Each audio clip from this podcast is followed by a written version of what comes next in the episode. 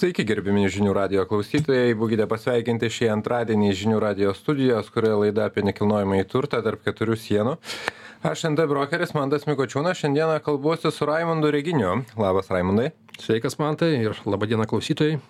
Raimondas yra Oberhaus rinkos tyrimų vadovas Baltijos šalims ir su Raimondu mes jau antrą kartą šitoje studijoje kalbėsime apie brangiausius sandorius Lietuvoje kuris laikas jau prabėgo ir iš tikrųjų visai ne per seniausiai mes turėjom šitoj studijoj Robertą, kuris mums pasakoja apie prestižinį nekilnojamąjį turtą. Tiek man pačiam palaidos, tiek klausytojam kilo tokių klausimų, tai už kokiasgi tas kainas, vis dėlto kokie tie skaičiai yra tų brangiausių sandorių ir kaip, vat, apie kokias sumas eina kalba. Tai pirmas mano turbūt klausimas ir būtų, ar apskritai jeigu jau yra brangiausias sandoris tai jau jisai yra savaime prestižinis nekilnojamas turtas ar nebūtinai? Turbūt galima pasakyt kad nebūtinai nes jeigu pasižiūrėti na įregistruotus sandorius į kokios ten yra sumos už kiek įs įsigyjama tai galima pamatyt tokius netipinius sandorius. Tai yra na pavyzdžiui įsigyjami trys butai Mhm. Nu, ir sunku pasakyti, ar jie, ar jie ten tokie yra tikrai išskirtiniai ir panašiai. Tiesiog jų yra daug, suma yra didelė ir atrodo va, didžiulis, didžiulis sandoris. Arba, sakykime, na, įsigijamas tikrai už įspūdingą sumą kažkoks namas su žemės klipu. O realybėje tai, pavyzdžiui, yra senas medinis pastatukas, kur, kur realiai pirkėjas sumoka už, tai... už, už sklypą, už plėtros potencialą, o ne už mhm. medinius rastus. Tai, na, jeigu tuos eliminavus turbūt reikėtų dažniausiai na labai labai atidžiai žvelgti į tuos sandorius kas iš tikrųjų yra įsigyta arba na bandyt suprasti ką mes dažniausiai ir darome. Mes kiekvieną sandorį vertinam individualiai pasižiūrim ar tai yra mhm. asmeniniam naudojimui skirtas objektas ar tai yra kažkoks plėtros potencialas o galbūt netgi kažkokios ne rinkos sąlygom sudarytas sandoris.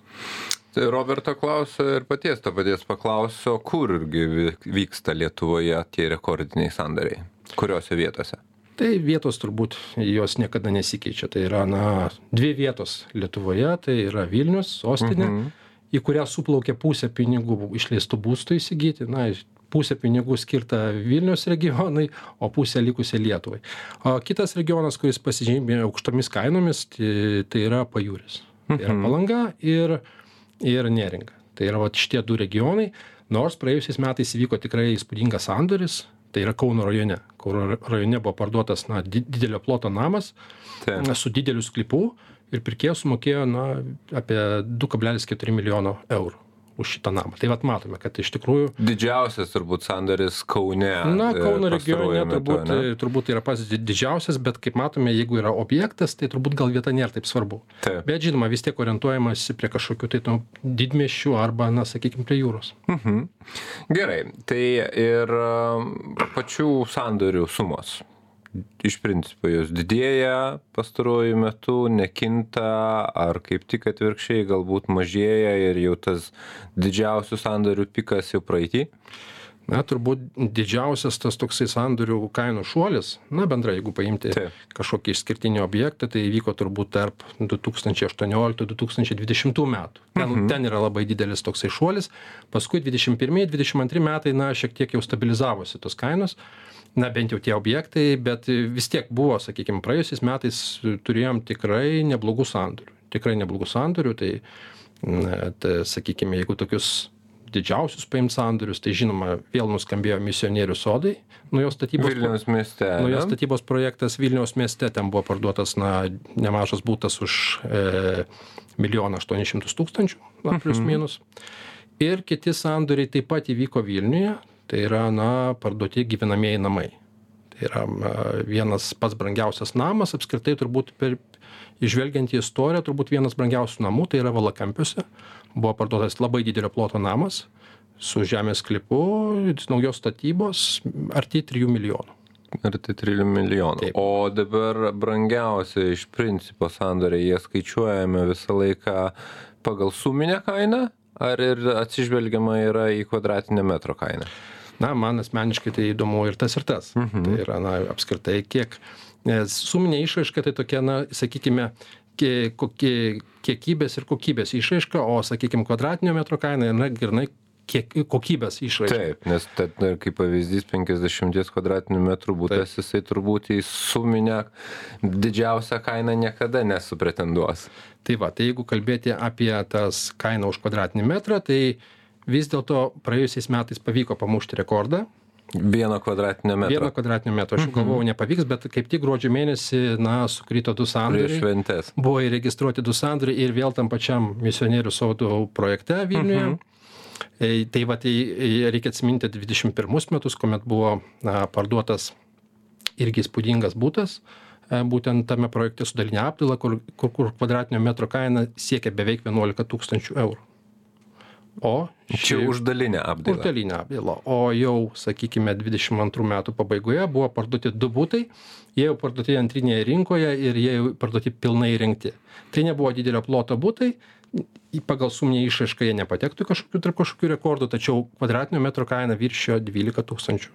Mhm. Tai bet e, vis tiek, tai turbūt, kad įsigijimo kaina buvo mažesnė negu 11 turbūt tūkstančių už kvadratinį metrą, aš taip įtariu, nes turbūt, kad nebūtų pardavę už 12 tūkstančių, nes dažnu atveju tai pardavėjai skaičiuoja, nu, pirkau už ten, tarkim, X sumą, įrengiau, įdėjau tiek Y ir va, dabar dėl to noriu va, tokios ir tokios kainos. Tai a, galbūt tai suponuoja apie tai, kad ateityje mes pamatysim dar brangesnių sandorių, nes tie, kurie pirko už tas a, aukščiausias kainas su dalinė apdaila, kai jie išeis į antrinę rinką, galbūt jų kainos bus dar didesnės. Gali būti, kad bus didesnis, bet bent jau žiūrint, pavyzdžiui, sakykime, ir šituos įvykusius didžiausius sandorius, tai matėsi, kiek, kiek pardavėjai, kokie buvo lūkesčiai. Mhm. Tai jų lūkesčiai buvo daug, daug aukštesni negu, sakykime, net 12 tūkstančių Supratau. už kvadratinį metrą, nes buvo pasiūloje vienas objektas start- Rinka suniveliavo startavo su arti 18 tūkstančių. Tai yra pabandė taip, na, pardavėjai tai pabandė, žinoma, nieko nepavyko, tada kainą sumažino vieną kartą, sumažino antrą kartą, nu ir galų gale, na, turbūt prie kažkokį tai, na, kompromisą arba atsirado pirkėjas, kuris, na, sutiko mokėti tą rekordinę, bet kad nevirštų per daug tos ankstesnės galbūt kainos, kuri, kuri buvo afišuojama rinkoje. Nes tai yra irgi labai svarbu tas, na, ka- kas yra pateikiama rinkai ir kai, kad e, pirkėjas potencialus žinotų, ar jis tikrai nepermoka už tokį daiktą. Tai vat mano sekantis klausimas ir buvo toks, kad ar tokiam segmente ir tokiai eina kalba apie tokias sumas pirkėjai apskritai derasi, apskritai kreipia kainą, ar čia jau yra tas, tas pirkėjas, kuriam, kuris ieško iš principo jam tinkamo daikto ir jisai moka tiek, kiek jo prašo- paprašo. Na, turbūt e, aš manau, kad derasi visi. Jeigu tai pasižiūrėt, mhm. turbūt derasi visi ir ypatingai a, turtingi žmonės irgi moka skaičiuoti ir, ir klausimas yra tiesiog paprastas. Kodėl aš turiu už tą daiktą mokėti tiek, kiek tu prašai? Taip. Tai tu turi įrodyti, kad tik- tas daiktas tikrai vertas ir jeigu tu neįrodai, na, kažkaip negali, negali pasakyti, kad tai yra pats geriausias objektas rinkoje ir tu man mokėk e, rekordinę sumą. Na, tiesiog turbūt pirkėjas pasižiūri, kad, na, kažkokių alternatyvų paieško, pamato, kad nieks nėra mokėjęs tam per visą istoriją didesnių sumų ir turbūt jisai, na, tikrai aktyviai derasi ir spaudžia pardavėją, kad, na, žiūrėk, kodėl aš turiu mokėti būtent tiek, kiek tu nori. Ir sandoriai vykstantis jie matosi, kad, na, tokių nėra kažkokių ekstremumų, kad, sakykime, jeigu pardavinėja ten didžiausią kainą 10 tūkstančių, kad būtų parduota ten po 15 mhm. ir iš karto po 20 tūkstančių. Tai čia toksai yra, na, akivaizdu, kad derasi, kad derasi pirkėjai. Gerai, panagrinėkim tada tuos vat, praėjusius metus ir ką mes turim topuose, kokie yra sandoriai būtent didžiausiai įvykę, e, skaitinė išraiška, kaip, kaip, kaip jie atrodo, sakykime, top 3, pavyzdžiui, sandoriai.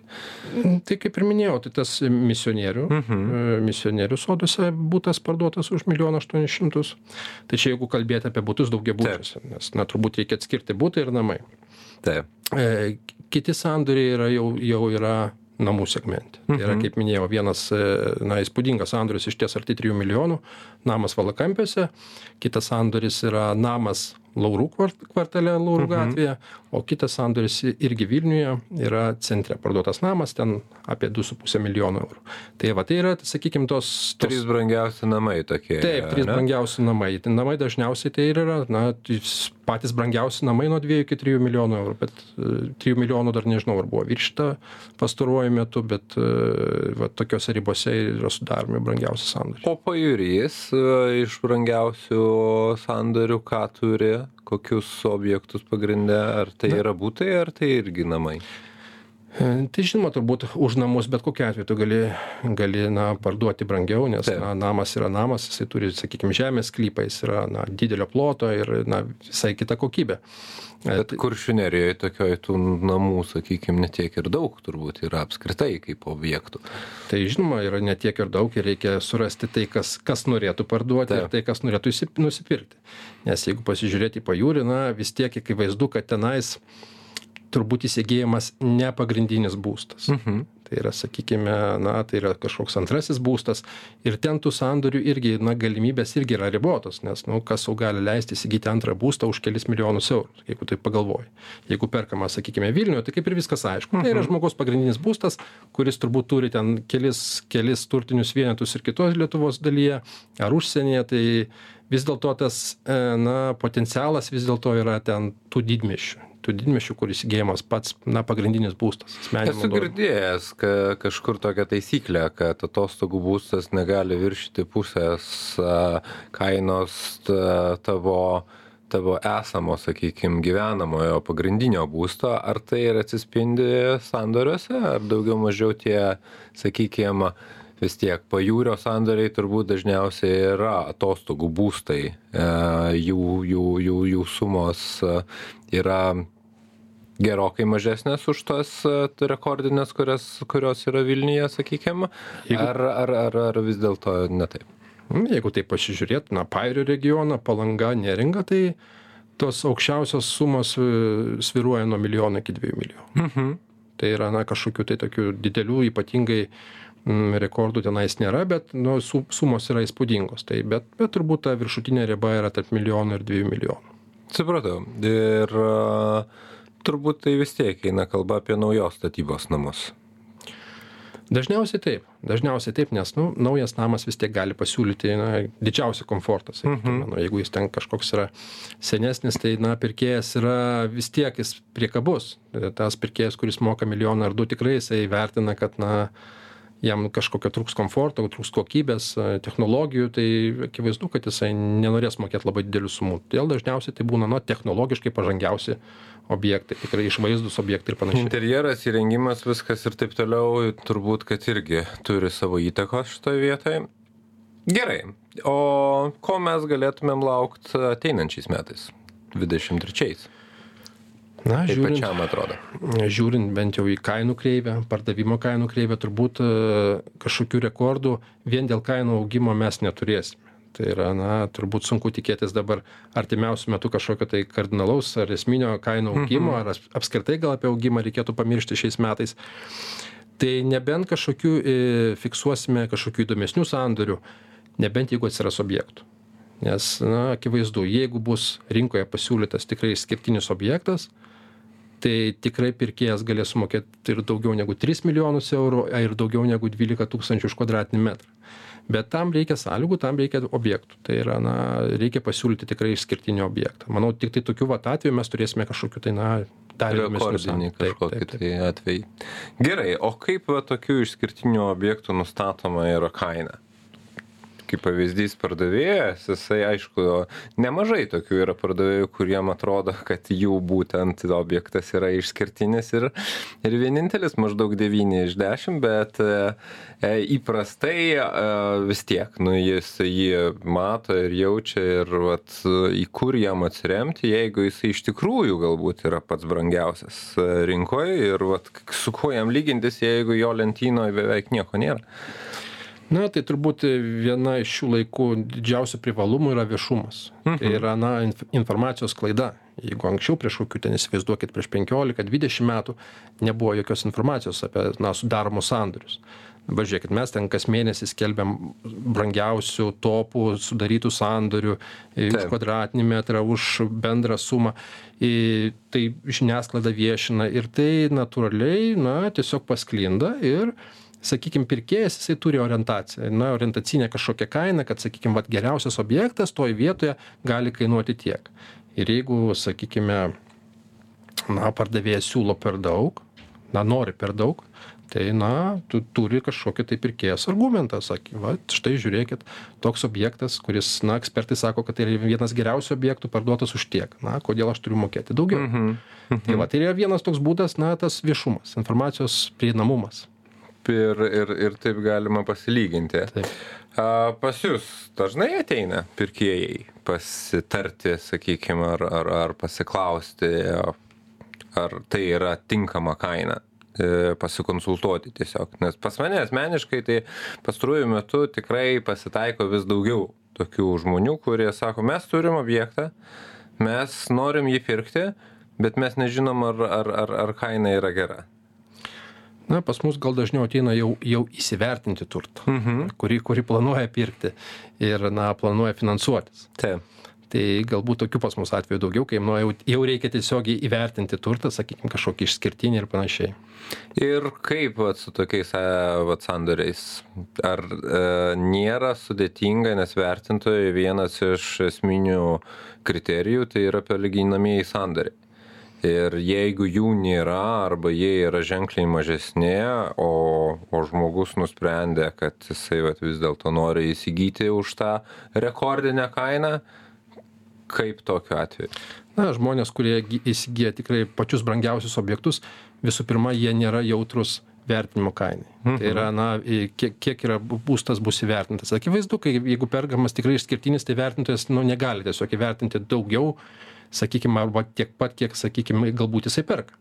Akivaizdu kad jis lygins su sandoriais bet jis e, tiesiog pardavėjui tai nėra aktualu. Jam svarbu na nėra aktualu pasiskolinti ten maksimaliai. Jisai Taip. nori skolinasi ir tai galiu pasakyt kad turtingiausi žmonės taip pat aktyviai skolinasi e, nepaisant to kad galbūt jie galėtų būstą įsigyti iš nuosavų lėšų bet na jie turbūt žmonės skaičiuot moka žino kad kaip tu lengviau pasiskolinsi ne jeigu ne per būsto paskolą Taip. Na, tai yra kaip pigiau pasiskolinsi tai tokie žmonės skolinasi bet jie nė- nėra nėra jautrūs na sakykim tai tai sumai ir dažniausiai žinoma būna įvertinama mažiau negu net įsigyjama Bet tos- jiems to užtenka įprastai. Bet jiem to užtenka, nu, jie skolinasi, na, finansuojasi mažesnę dalį, sakykime, net ne, ne 70, galbūt 60, 50, bet, na, yra kaip yra.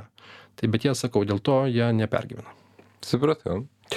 Gerai, pakalbėkime apie kaimynus. Latviai ir Estai, kaip gyvena šitoje vietoje, jie turi brangesnių ar kaip tik atvirkščiai sandorių?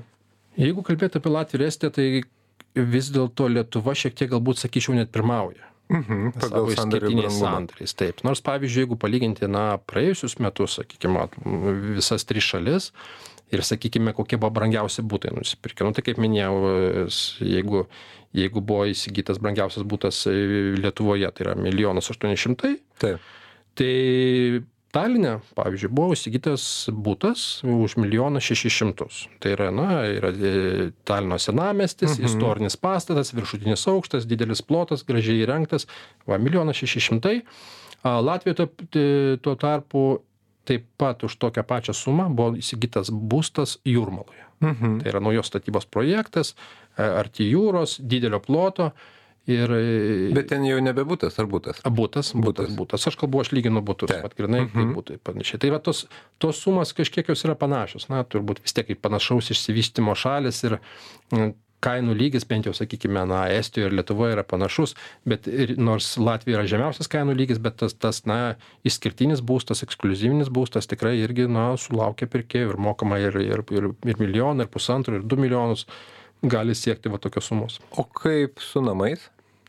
Es su namų, na, sunku išteks su, su tokia statistika, ypatingai namų, tai, na, neturiu tikslių, tikslių Mhm. duomenų apie tos namus ir sunku man palyginti, bet bent jau, sakykime, pagal būtus matosi, kad, na, kainos šiek plius minus panašios, galbūt Lietuvoje yra tokių daugiau išskirtinių sandorių. Supratau. Gerai, pataisyk mane, jeigu aš klystu, bet ar ar ar tiesa kad latvija ypatingai jūrmala anksčiau buvo lyderis pagal tuos rekordinius sandorius ir ir ir ir pastaruoju metu tos tendencijos truputėlį pasikeitė na tai darbu turbūt susiję aš kaip ir minėjau su objektų pasiūla mhm. sakykim jeigu jūrmaloj buvo yra tikrai tokių išskirtinių na tokie tokie įdomūs ir tie patys namai ir naujų projektų ir tuo tarpu jeigu rygoje E, nu, kaip žinome, tų statybų gausa tikrai nepasižymi Taip. E, Ryga.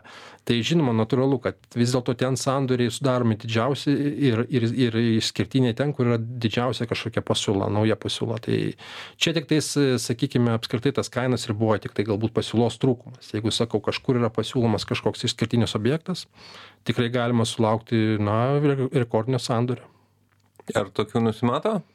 Pasiūloj. Dėl Latvijos aš tiksliai nežinau, bet na, vis tiek atsiranda, visą laiką atsiranda kažkokių tai plėtotojų, investuotojų, kurie na, kažką nori pasiūlyti ir galbūt tikisi na, užfiksuoti dar didesnį rekordą. Supratau. Gerai, mūsų laikas kaip tik jau pasibaigė, tai šiandien laidoje turėjome Raimondą Reidinį. Ačiū Raimondai, kad atvykai ir pasidalinai su mumis tokia įdomia informacija. Žinosim dabar, už kiek vyksta didžiausi sandoriai. Tiek Lietuvoje, tiek mūsų kaiminėse valstybėse. O aš Mandas Mikočiūnas e, ir laida tarp keturių sienų šiandieną atsisveikinam. Susigirdėsim kitą antradienį. Likit sveiki, iki malonaus.